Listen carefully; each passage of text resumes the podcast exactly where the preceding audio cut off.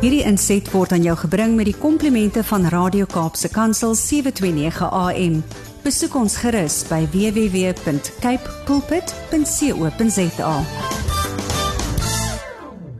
Jenny Kirby is the author of the book Angry Love, and she's joining us this morning from London. Good morning, Jenny. Good morning to you.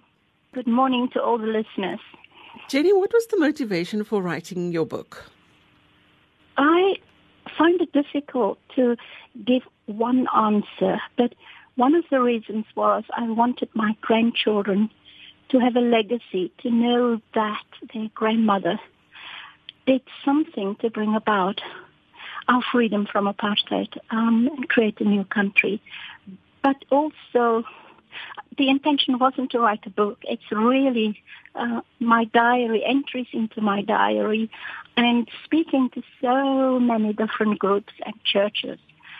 Everybody said, well, you must write this down. You must write the book. You must write the book. And that encouraged me, I think. And thirdly, there's so many big giants in our country. Um, President Nelson Mandela, deceased, uh, Bishop Tutu, people who have been great big figures in the struggle against apartheid that I didn't feel anyone would be interested to hear a little story from a little girl from nowhere. Uh, so I just kept writing in my diary and never thought it possible that I would one day write and it will be published, publicized. Yeah. Writing is also very good therapy. It helps you get through Oh, things. Why do you believe it's important that everyone's story is told? I would like to reiterate your own words. I think writing has helped me. It was like a catharsis. I felt so relieved afterwards, and for years I've had a knot in my stomach, and I used to get headaches, really bad headaches. But since I started writing the book, uh, since it became, since it developed into a book, I feel there's no knot in my stomach. My headaches have gone, and I sleep better. But I believe everybody's story is important, especially in South Africa. You know, every little story is part of the big, rich, diverse story of, of my country. It's, it's so important that every story is, or if we can, if possible, uh, that the stories of little people is being heard uh, because that makes up the big tapestry of, of South Africa and the developing South Africa, not just what happened in the struggle or before, uh, but continuing that, you know, taking up the baton for peace and racial harmony, um, what we have now, you know, or attain to have now. You've touched a little bit on why you wanted to tell your own story. So, share a little bit about your story and what the book Angry Love is all about. My story is about growing up in Constantia in South Africa, in Cape Town, on a farm. Used to called um, used to be called Silver Sands, where my dad worked. And what I remember is is just the idyllic lifestyle which I took for granted. Uh, I had a loving family, and it was a beautiful part of the country to live in and grow up in. And then when I was about five years old, we had to move from Constantia because there was something called the Group Areas Act, and we were not allowed to live um, on the farm where we lived. And a lot of the workers moved and found work and accommodation elsewhere, although some still continued to work on the farm. But we left, and my dad uh, then after that drove for Golden Arrow bus service. Um, and so I grew up with that sort of lingering in the back of my mind. And when we moved to Heathfield, my mother, who was a teacher before she a school teacher, primary school teacher, um, she had to find other work because at that time, when teachers marry, when you marry, you cannot continue to teach. Um, and so she did part-time domestic work. And that when was when it really hit me that there's something different about me, about us, about people like me and other people in whose homes she was working. And I think that was the stirrings or things started happening inside of me, questions uh, inside of me was raising its head. Your, your book is called Angry Love.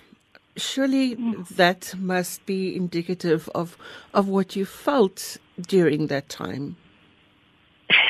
Yes, yes. I, I don't know. I just walk this tightrope of anger and love most of the time. I think there was a lot of anger built up inside of me. I was quite angry, um, and it found expression in shouting at people and, you know, slapping my younger sisters and brothers, and lots of things that I felt was part of that anger. Uh, but mainly part of that anger was towards what I perceive or see and experience at that time was that white people lived a good life, a better life, a nice life. And the anger was, why can't we have that nice life? Why did my mother have to struggle like this? And why are we living where we are living? Why can we not all live together? Um, a lot of questions that made me feel angry. But there was also love, love for people who were kind to me, both white, black, colored people. I'm using terms that we used at the time. I'm speaking about a specific period of time.